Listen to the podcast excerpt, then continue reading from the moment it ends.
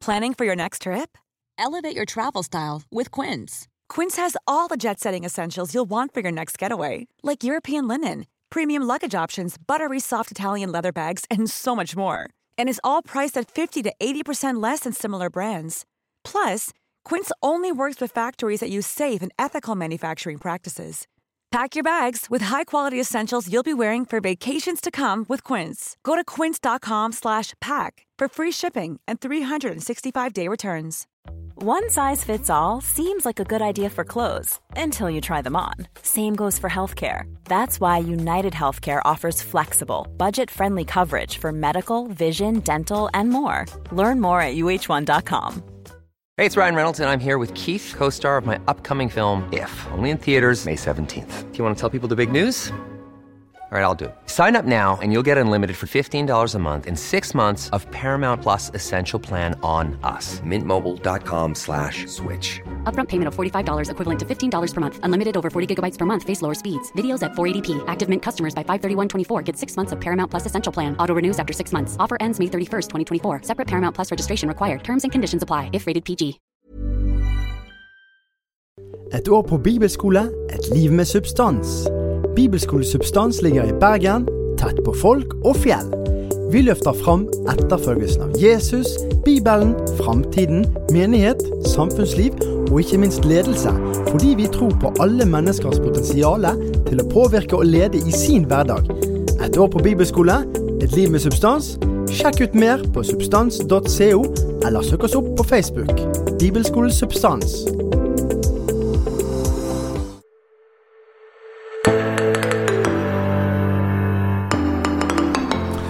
I dag har vi besøk av eh, Annelise Søvde Valle, som er daglig leder i Norsk råd for misjon og evangelisering. Si litt først, Annelise, om hva det er for noe.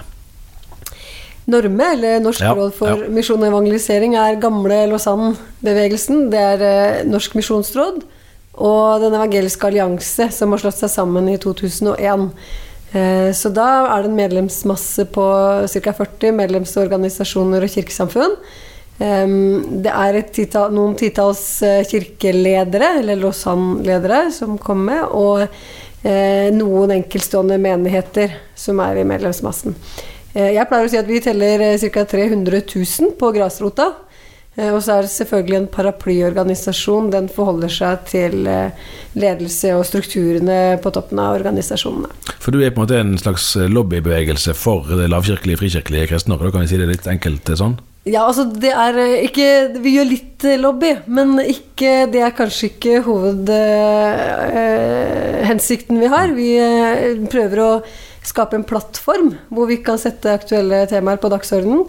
Øh, Være en ressurs for eh, organisasjonene og kirkesamfunnene. Og også litt eh, lobby hvor vi ønsker å fremme interessene til medlemsorganisasjonene våre. Da. Mm.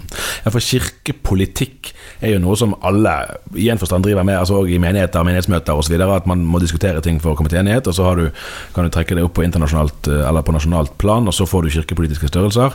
Eh, Men det er jo ikke det Norme har drevet mest med, og det er jo en mer kan du si, spisset kanskje størrelse enn f.eks. Norges kristne råd, som har en annen, en annen type sammensetning.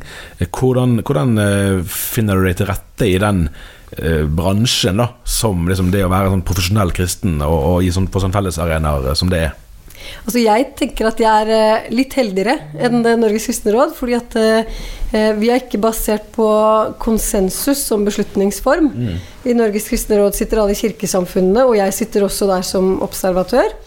Samme gjør generalsekretæren i Norges kristne råd hos, i vårt styre. Men eh, i Normus så føler jeg at jeg har tillit gitt av styret til å uttale meg i saker som jeg mener er relevant for oss. Em, og, og til, i saker som eh, åpenbart berører våre medlemsorganisasjoner. Eh, og så har vi et sånn sosiopolitisk eh, policy-dokument som også har ønsket eh, at administrasjon og daglig leder i Norge skal uttale seg på vegne av de svakeste i samfunnet. Nettopp. Du går av nå til høsten etter to fireårsperioder som eh, leder. Hva har vært eh, altså Hvis du skal prøve å se tilbake, da. eh, Hva har vært det som har gjort mest inntrykk på deg eh, og som du kanskje ikke visste om fra før, da, med jobben? Altså, jeg kom fra Pinsemisjon. Det var min bakgrunn. Og så kjente jeg til flere av de andre misjonsorganisasjonene og kirkesamfunnene. Men i en sånn jobb hvor du skal samarbeide med hele fjøla, hvor du skal imøtekomme ønsker fra ulike organisasjoner, kirkesamfunn osv., så, eh, har jeg, jeg har møtt veldig mye raushet, godhet, eh, gode samarbeidspartnere. Og, og jeg, jeg har Jeg mener å ha opp opplevd at kirkesamfunnet og organisasjonene setter, de setter det felles kristelige høyt. Altså De prioriterer det som vi arrangerer på den felles plattformen, mm. Norme, og også prioritere ressurser inni det. Det er ikke en selvfølge, så det er jeg veldig takknemlig for. I tillegg så har jeg blitt godt kjent med bredden av det evangeliske Kristen-Norge. Arbeidet som drives, områdene man driver på, aktuelle både prioriteringer og satsinger, men ikke minst ledelsen, altså personene.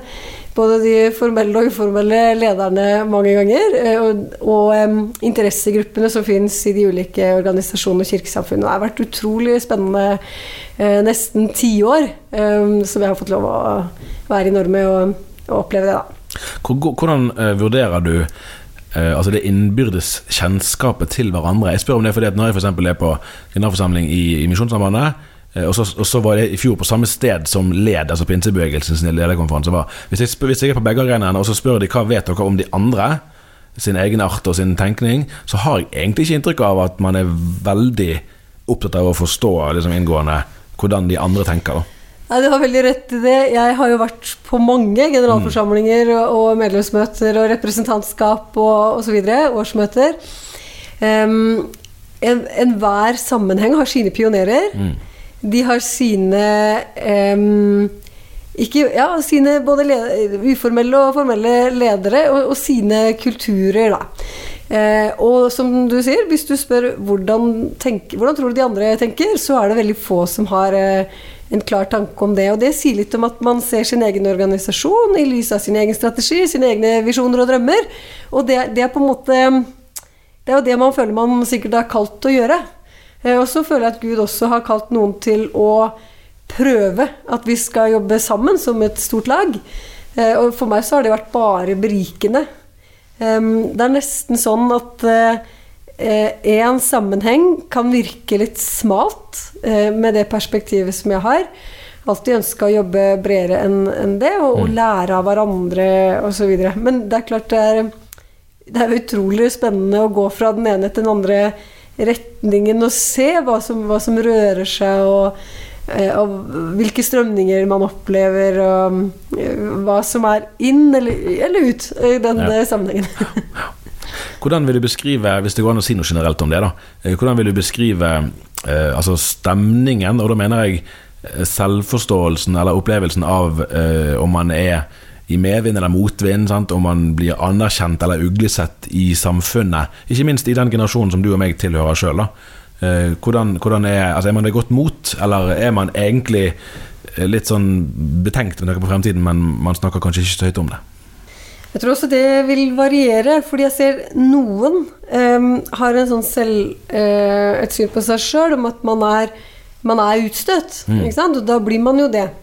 Uh, og det kommer kanskje fra en sånn sterk forkynnelse om at vi er, vi er satt til side, vi er, um, vi er annerledes, vi får ikke lov til å gjøre det samme som resten av samfunnet gjør. Det er mye som er synd. Um, mens det i andre sammenhenger kan være det motsatte. At man føler man har noe å bidra med. Mm. Eh, at man føler man kan bety noe for mange. Eh, og, og, ofte er det en kombinasjon av de to. Eh, kanskje føler man på noen arenaer at man er helt annerledes enn resten av verden. Og annerledes tenkende, mens man på andre arenaer føler at man virkelig har noe, en stemme inn i samfunnet. Da. Så det er nok eh, både og. Man skulle håpe at um, flere og flere går fra en sånn tanke om at vi er oss sjøl nok og vi må passe oss for verden, eh, til å ønske å bidra og være en del av eh, det som er samfunnet rundt oss. Der. Det er jo en kjensgjerning at, at, store deler av de altså strukturene som, som er representert i Norge, både bedehusorganisasjoner og frikirkesamfunn, ble til altså rundt overgangen til, fra 1800-tallet til 1900-tallet, altså for litt over 100 år siden. Eh, veldig mye har jo forandret seg fra den gangen, og hvis man i et tenkt tilfelle skulle tegnet kartet på nytt i dag, så er det vel ingen tvil om at det ville vært ganske forskjellig. Eh, hvordan opplever du endringsviljen, og ikke minst endringsevnen? da? Og da tenker jeg ikke på helt sånn ytre strukturer. Skal bedehuset ligge her, eller skal kirken ligge der? Skal man ha det eller det uttrykket? Og, og, og alle sånne spørsmål som, som, var nye en gang. Det har ikke alltid vært sånn, men de var nye en gang. Nå er ikke de nye lenger. Hva gjør vi nå? Ja, altså Åpenbart så, ville man sannsynligvis slått sammen en del av organisasjonen og kirkesamfunnet mm. hvis man skulle tegna kartet på nytt. Men man skal også ha litt sånn respekt for, tenker jeg um, de tradisjonene som fins, mm. Eh, de historiene som fins der, de pionerene som en gang var der, som gjør noe av egenarten eh, til de ulike kirkesamfunnene, som, gjør, som, som nettopp er en av grunnene til at folk befinner seg der.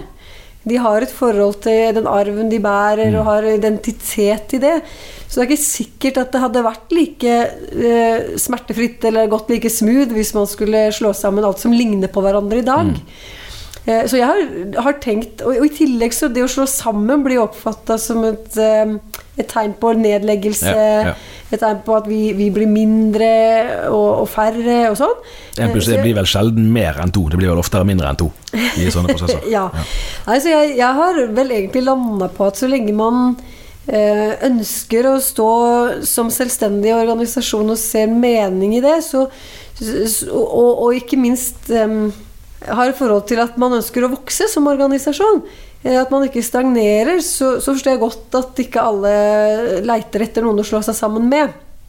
Hvordan vurderer du eh, forholdet til folkekirken i disse sammenhengene? Og da spør jeg om det litt fordi at det er jo en tendens altså Ja, folkekirkens medlemstall er nedadgående, men det er jo fremdeles veldig høyt.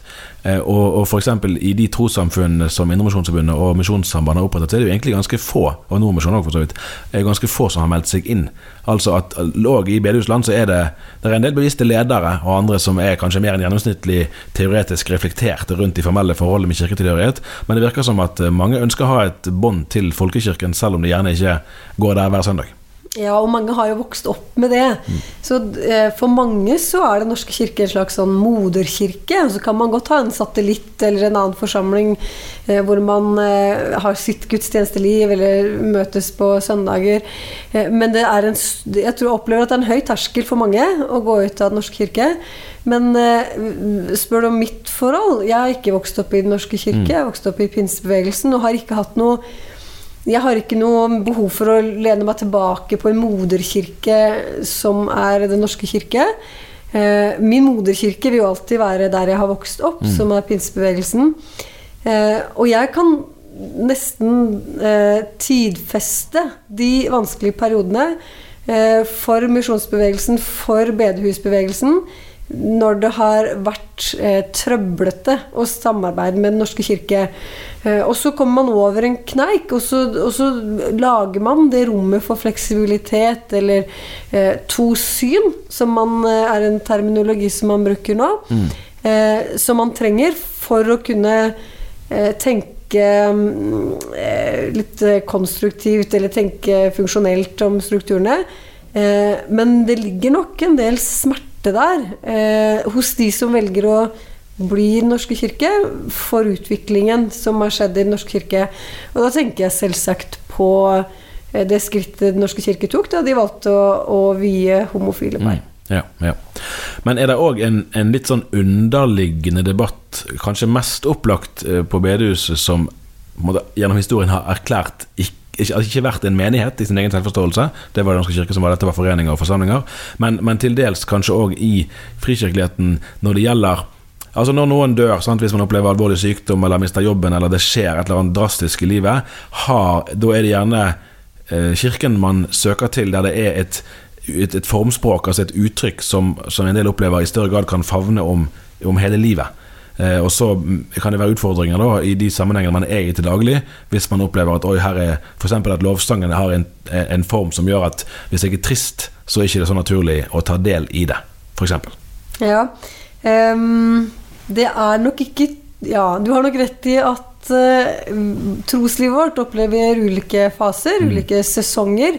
Eh, og vi trenger ulike ting i de ulike sesongene. Og da blir det jo spesielt viktig at ikke vi har forsamlinger som er eh, helt like alltid og ensarta.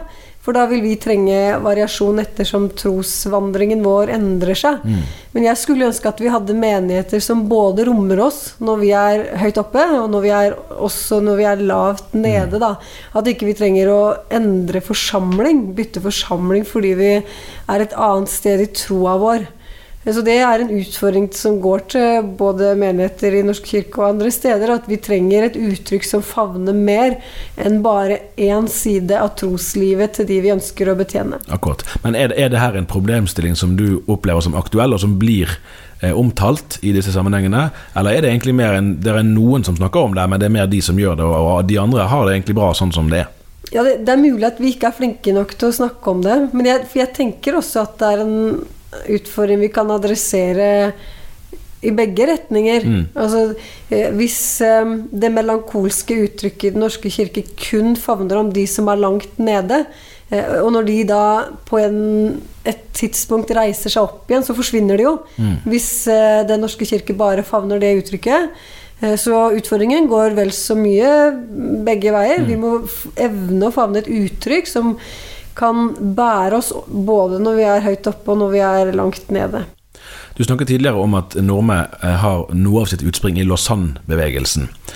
Eh, og, det, og det er jo et, et eh, uttrykk for en bevissthet, og den forbindes jo særlig med Billy Graham opprinnelig, og var et ønske om å utvikle en teologisk plattform som kunne være et alternativ eksempel til Kirkenes verdensråd og den økumenikken, mer formelle kanskje økumenikken i, i noen av de store tradisjonelle kirkene.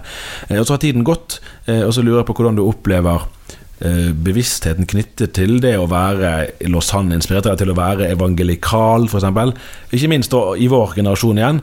Eh, For jeg har ikke noe inntrykk av at det er spesielt mange som, som er noe veldig opptatt av å teste om den og den preken, den og den taleren er i Lausanne-paktens ånd eller ikke, f.eks. Ja, du har nok rett i det, og, og i løpet av disse åtte årene så har jeg snakket, begynt å snakke mindre om evangelikal, men nå snakker jeg mer om evangelisk. Ja.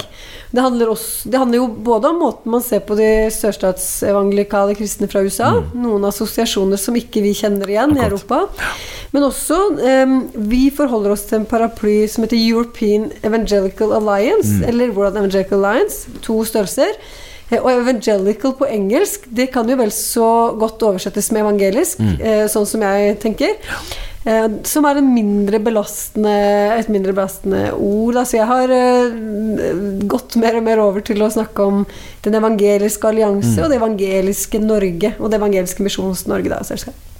Men, men merkelappen er jo en ting, og jeg følger, følger resonnementet ditt eh, der. Eh, hvordan opplever du altså Bak merkelappen så er det jo et innhold eh, som òg handler om å, å si at vi ikke helt liker de. er det? Eh, og så har det jo vært en tendens, og Norme var jo med å arrangere sammen med Norges kristne råd i 2015 eller 2014 noe som het Agenda Ut, en sånn felles misjonskonferanse i Imi kirken i Stavanger. Eh, og deretter, En av de røde trådene var jo at disse to bevegelsene hadde nærmet seg hverandre. eh, I, altså at Kirkenes verdensråd hadde kanskje fått en litt tydeligere betoning av behovet for faktisk å forkynne evangeliet, mens Lausanne hadde kanskje fått en tydeligere, tydeligere betoning av at det òg var en verdi i diakoni, f.eks. At dette var noe man trengte å løfte mer frem. Eh, er, er skillene i ferd med å viskes ut, eller er det mer at man er trøtt av å krangle, og det er så slitsomt som det er med sekulariseringen, at man ikke orker å ta de kampene lenger? Skillet er nok mindre nå enn før. Eh, samtidig som em, Jeg tenker at det handler jo noe om kirkehistorie her. Men det handler også om identitet, hvor man kjenner seg mest hjemme. Eh, og så har du rett i at eh, når vi hører på prekener eller undervisning, så vil vi ikke eh, sitte med fire punkt eh, og teste om prekenen er nok evangelisk eller ikke. Eh, vi vil se om den taler til meg, eh, oppbygger meg, eller om den eh, underviser meg noe nytt. Eh, utfordrer meg på en ny måte, osv. Men jeg tror mange fremdeles vil sitte igjen og vurdere om en preken f.eks. er bibelsk. Hvor, jeg gjør iallfall det. Hvor, hvor mye bibel bruker man i forkynnelsen? Hvor, hvor mye kan jeg hente ut av, av Jesu undervisning, bibelmateriale osv.? Eh, Når det gjelder spørsmålet om man Ja, jeg tror man har nærma seg. Det har å gjøre ikke minst med at eh, kirkesamfunnet i sør De har forblitt inn i, i paraplyen Ja. Kirkenes verdensråd. Eh, og de har opplevd mye større vekkelser enn vi i Mm. Europa har de siste årene. Eh, de norske bevegelsene som er bygd på vekkelse fra 1800-tallet og 1900-tallet osv., eh, det kommer jo i mye større mål nå i sør, i sør og i øst. Eh, men disse kirkesamfunnene har så langt ikke brutt med det etablerte. Ja, det er store konflikter mellom eh, eh, kanskje f.eks. metodistene i USA og metodistene worldwide, eller i, Afrika, og kanskje kjenner man det igjen i flere kirkesamfunn. Men de har fått større tyngde innad i KV f.eks., og det, det ser man jo også på eh, det som kommer derfra. Dokumenter, prioriteringer, ledere som velges osv. Så, videre. eh, så sånn sett så kan det hende at tida er inne for at vi, eller Lossan kan samarbeide mer med KV.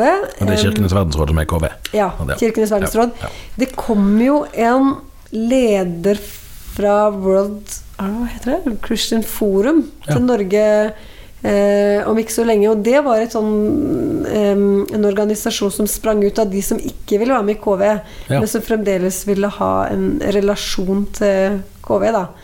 Så der blir det et felles møtepunkt eh, i Norge om ikke så lenge. Mm. Men jeg opplever at det er to strømninger, det er to enheter, to kulturer ikke minst.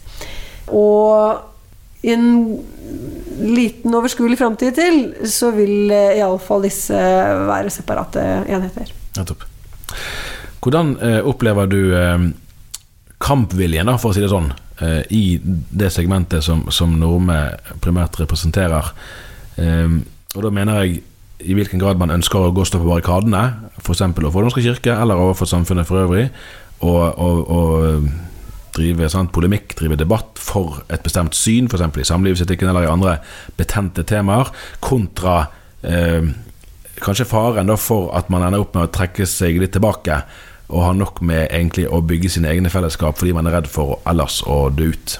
Jeg tror mange leter etter pragmatiske relasjoner og forhold eh, som, eh, som kan Altså, eksempelet fellesmøter Ja. eh, har blitt eh, problematisk i en, i en god del kommuner. Også og så for å få det her på plass, for jeg tror viljen er der, så vil man søke pragmatiske måter å gjøre det på. Det, kanskje invitere det, I forhold til hvem man inviterer. Eh, hvem man lar stå på plattforma, hvem man lar dele ut nattverd osv. Noen vil trekke seg ut, eh, og noen vil prøve å være pragmatiske i større grad enn å stå på barrikadene. Nettopp. Eh, Det kan være du ikke vil være helt spesifikk her, men, men hva ser du nå på som Altså Hva er det som er lyspunktene? da? Hvor hen er det du opplever at her, i denne sammenhengen, i denne bevegelsen, i denne byen, der er det virkelig spennende ting på gang? Altså, og Da mener jeg ikke bare at man har gode ideer, men at det òg er en gjennomføring som faktisk Jo, dette er det verdt å la seg inspirere av. Eh, hvis jeg skulle pekt på én ting, så tror jeg at eh, da jeg starta i Norme, så var det få eh, organisasjoner og kirker som hadde et utbredt og et strategisk arbeid retta mot eh, migranter, flyktninger, mennesker med, som kommer til Norge med en annen religion. Eh, mens nå em, kan jeg med stolthet si at jeg tror alle av våre medlemmer har et, minst et eh, strategisk arbeid retta ut mot den gruppa her. Og det handler om flyktningstrømmen, mm. eh, kanskje, i 2015, men det handler også om en, eh, en vilje til å se de svake, til å, til, å, til å se Guds folk mobilisere.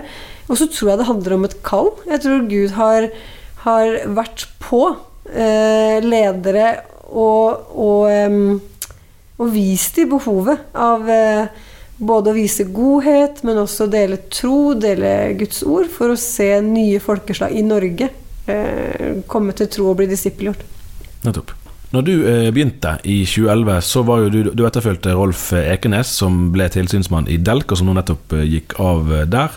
Eh, og Du var vel den første kvinnelige lederen i Norge, det må du vel for det har ikke vært så veldig mange eh, før. For det var jo, Den størrelsen er jo forholdsvis ny. Eh, hvordan har du tenkt om det? Altså, og, for det er jo en, en eh, forholdsvis Altså Det er ikke så mange topplederstillinger i Kristen-Norge som er i det hele tatt, eh, som er landsdekkende. Dette er en av de, eh, og du har hatt, har hatt den i åtte år. Hvordan har du tenkt eh, altså, i, i det å være forbilde for andre kvinnelige ledere i den, eller for så vidt òg være et forbilde for mannlige ledere, men det går an å være kvinnelig leder i en sånn rolle?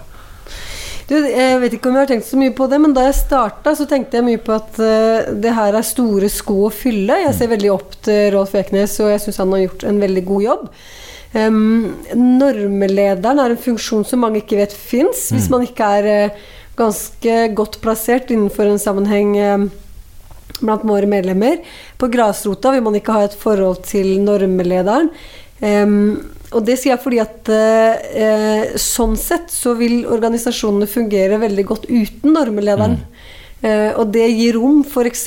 også til de organisasjonene som eh, kanskje er skeptiske til kvinnelige toppledere, styremedlemmer, prester osv. Eh, til å gi rom til en kvinne i en mm. normestilling. Fordi den, det er en felles plattform, den er helt ufarlig mm. eh, for organisasjoner med, med et annet syn. Mm.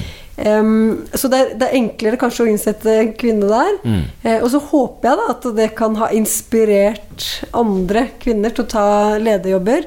Um, jeg visste lite om hvor stort omfang et sånt uh, arbeid hadde, så det kanskje Hadde jeg um, vært mer klar over det, så kanskje jeg hadde stussa lenger. Jeg hadde sannsynligvis svart ja, um, fordi jeg elsker den type utfordringer mm. og elsker den type arbeid. Det å stå sammen og løfte sammen. Eh, men det hadde kanskje kosta litt mer hvis jeg hadde visst omfanget det allerede starta, da. Ja, for Noe av det første jeg husker, nemlig var, Det var vel etter denne Cape Town-konferansen i 2010, som Lausanne-bevegelsen arrangerte. Så kom det ut en bok, 'Misjonen i forandring', eller 'Misjonen', noe sånt som det. Eh, og Der hadde du et kapittel, og da var vel du akkurat i ferd med å begynne. Og da, var du ganske, da skrev du vel en del om, eh, om kvinnelig lederskap. Og Jeg husker jeg var litt spent på hva, hvordan kom hun her til å profilere seg. For du var jo en ukjent størrelse for liksom, offentligheten når du kom inn i, i rollen, men så har du jo fylt den rollen på en ganske bestemt måte i løpet av disse åtte årene. Altså det kapittelet jeg skulle skrive, det handla om eh, kvinner i eh, lederskap. Og jeg tror at noe, et av mine store poeng der var um, at kvinner både nord og sør, samme hva slags kvinnesyn man har, så, så, har jo um, Ja, så har vi en tjeneste, så har vi en rolle, osv. Og, og jeg husker jeg argumenterte med at i kulturer hvor kvinner ikke så lett slipper til mm. i lederposisjoner, der vil det være andre eh, kriterier andre eh, måter å forberede og trene kvinnelige ledere på. Og at noe av det handler om forvalterskapet. For i, i, en del kulturer som kvinner ikke slipper til i hovedlederstillinger, da har de store ansvar i å forvalte hjemmet. Mm. Ikke bare altså, kjernefamilien, men storfamilien. Ja. Forvalte kanskje store enheter eh, på vegne av familien. Eh, og det vil fungere godt som ledertrening for disse kvinnene, husker jeg argumenterte med. Um, og så er det sikkert ulike syn på det, uh, men uh, um, ja, jeg tror vi er modne for å si at Gud bruker både kvinner og menn i de posisjonene han ønsker. Iallfall eh, må det være min erfaring. Ja, nettopp. Eh, underveis, særlig i noen perioder, har jo du òg til en viss grad eh, brukt nummerplattformen til å engasjere deg politisk. Ikke minst var det jo det aktuelt i forbindelse med flyktningstrømmen, som du nevnte tidligere, i 2015. Har du eh, Altså Har det vært noe som, som var intuitivt, fordi her var det et sak der det var helt opplagt fordi at her må jo Nordmenn si noe, eller har du hatt en, en strategi knyttet til at du ønsker at, at uh, denne delen av Kristen-Norge òg skal ha en stemme inn i samfunnsdebatten? Eh, ja, altså allerede da jeg begynte i 2011, eh, så begynte vi å jobbe på et eh, sosiopolitisk policy-dokument. Mm. Eh, og det var flere ledere og flere, altså en komité rundt det, og styret var eh, også en del av det. Eh, hvor da ble det definert at det er flere grupper vi skal serve. Det er organisasjonene og våre interesser. Eh, og så er det jo selvsagt de bibelske verdiene mm. og spesielt samlivsetiske spørsmål eh, som vi kan mene noe om. Eh, og så er det de svakeste i samfunnet, og der var migranter og asylsøkere og papirløse spes spesifikt nevnt. Eh, og det var det egentlig ikke jeg som førte i pennen, men, mm. men det lå der eh, til grunn for eh, et sånt engasjement. Så da flyktningstrømmen kom, og det kom ganske kjapt omfattende forslag til innstramminger i den norske flyktningpolitikken, eh, så tok jeg eh, og la foran meg flyktningkonvensjonen. Jeg la foran meg menneskerettighetserklæringen og disse forslagene til innstramninger. Tre dokumenter. Og så sammenligna jeg de. Eh, og så kom jeg ut med at veldig mange av forslagene de gikk mot både flyktningkonvensjonen og menneskerettighetene. Og det ja. syns jeg var på sin plass at vi som misjonsbevegelse skulle si noe om. Og det gjorde vi. Eh, og så fikk jeg et par negative reaksjoner på det, men et utall av positive. Eh, og hvis ikke vi skal si noe om det, vi som har kompetanse på misjon, vi har vært ute, vi har hatt internasjonalt engasjement hele veien, eh, så skal vi miste øyet for det internasjonale engasjementet vårt når det skjer innafor våre grenser. Det er helt utenkelig. Og det var det for styret vårt også. Og det var det for veldig mange i vår bevegelse fikk veldig mye Veldig mye positiv tilbakemelding mm. på det engasjementet i 2015. Og så spesielt vil jeg si at det rammer jo ikke minst konvertitter. Mm. Konvertitter de er våre aller mest sårbare og skjøre brødre og søstre. Eh, når de sendes tilbake til forfølgelse og trusler og vold osv. Det ønsker ikke vi som misjonsbevegelse og evangeliske Norge å, å stå og se på, bare. Nettopp. nettopp. Til slutt. Eh, man er jo på en måte Ingen av oss er profesjonelle kristne, dypest sett. sant? På den måten at vi får være Guds barn, og det er et privilegium om vi har yrkestittel sånn eller sånn. Eh, men det er jo likevel noe eget med å jobbe når du har, altså, i en kristen bransje, da, på et vis. Sant? Og kanskje ikke minst når du er der, i en sånn sammenheng som du er, der det er mange forskjellige aktører, og en del av jobben er å samordne folk som vil mer eller mindre det samme. Hvordan, eh, hvordan, har, altså, hvordan påvirkes ditt eget trosliv av å jobbe i en sånn eh, setting? For kan, man kan jo noen ganger risikere at de to, de to, tingene kommer på avstand. At man har en profesjonell jobb, men, men det er såpass mye vanskeligheter at man blir eh, anfektet i, troen sin, egentlig. Ja, du har rett i det. Da skal jeg ta deg tilbake til da jeg var misjonær. Eh, og da underviste jeg på en bibelskole. Det, det, var min første hvis man kan si det sånn, profesjonelle kristne jobb. Eh, da hadde jeg en opplevelse i en periode at Gud var mer arbeidsgiver enn far. Eh, og det, da må man jobbe med gudsbildet sitt, man må jobbe med troa si, man må jobbe med forankringen og identiteten osv. Eh, for å komme tilbake til at Gud er min pappa, som jeg kan klatre opp og fange til. Mm. Det er en sånn Gud vi ønsker. Så har han gitt oss et oppdrag, men han slutter aldri å være pappa. Eh, og med den motivasjonen der, så, så gikk jeg inn i normejobben med en tanke om at jeg skal tjene Guds folk.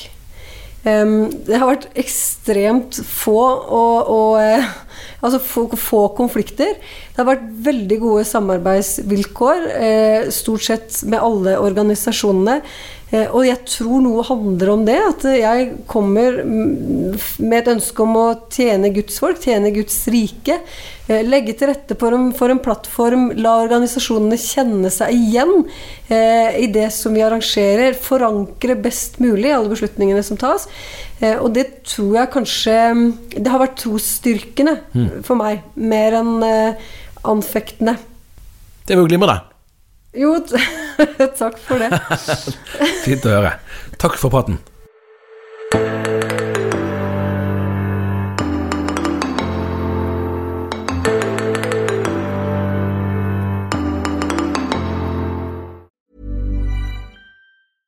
Imagine the softest sheets you've ever felt. Now imagine them getting even softer over time. That's what you'll feel with Bowl and Branch's organic cotton sheets. In a recent customer survey, 96% replied that Bowl and Branch sheets get softer with every wash. Start getting your best night's sleep in these sheets that get softer and softer for years to come. Try their sheets with a 30-night guarantee. Plus, get 15% off your first order at bowlandbranch.com. Code BUTTERY. Exclusions apply. See site for details.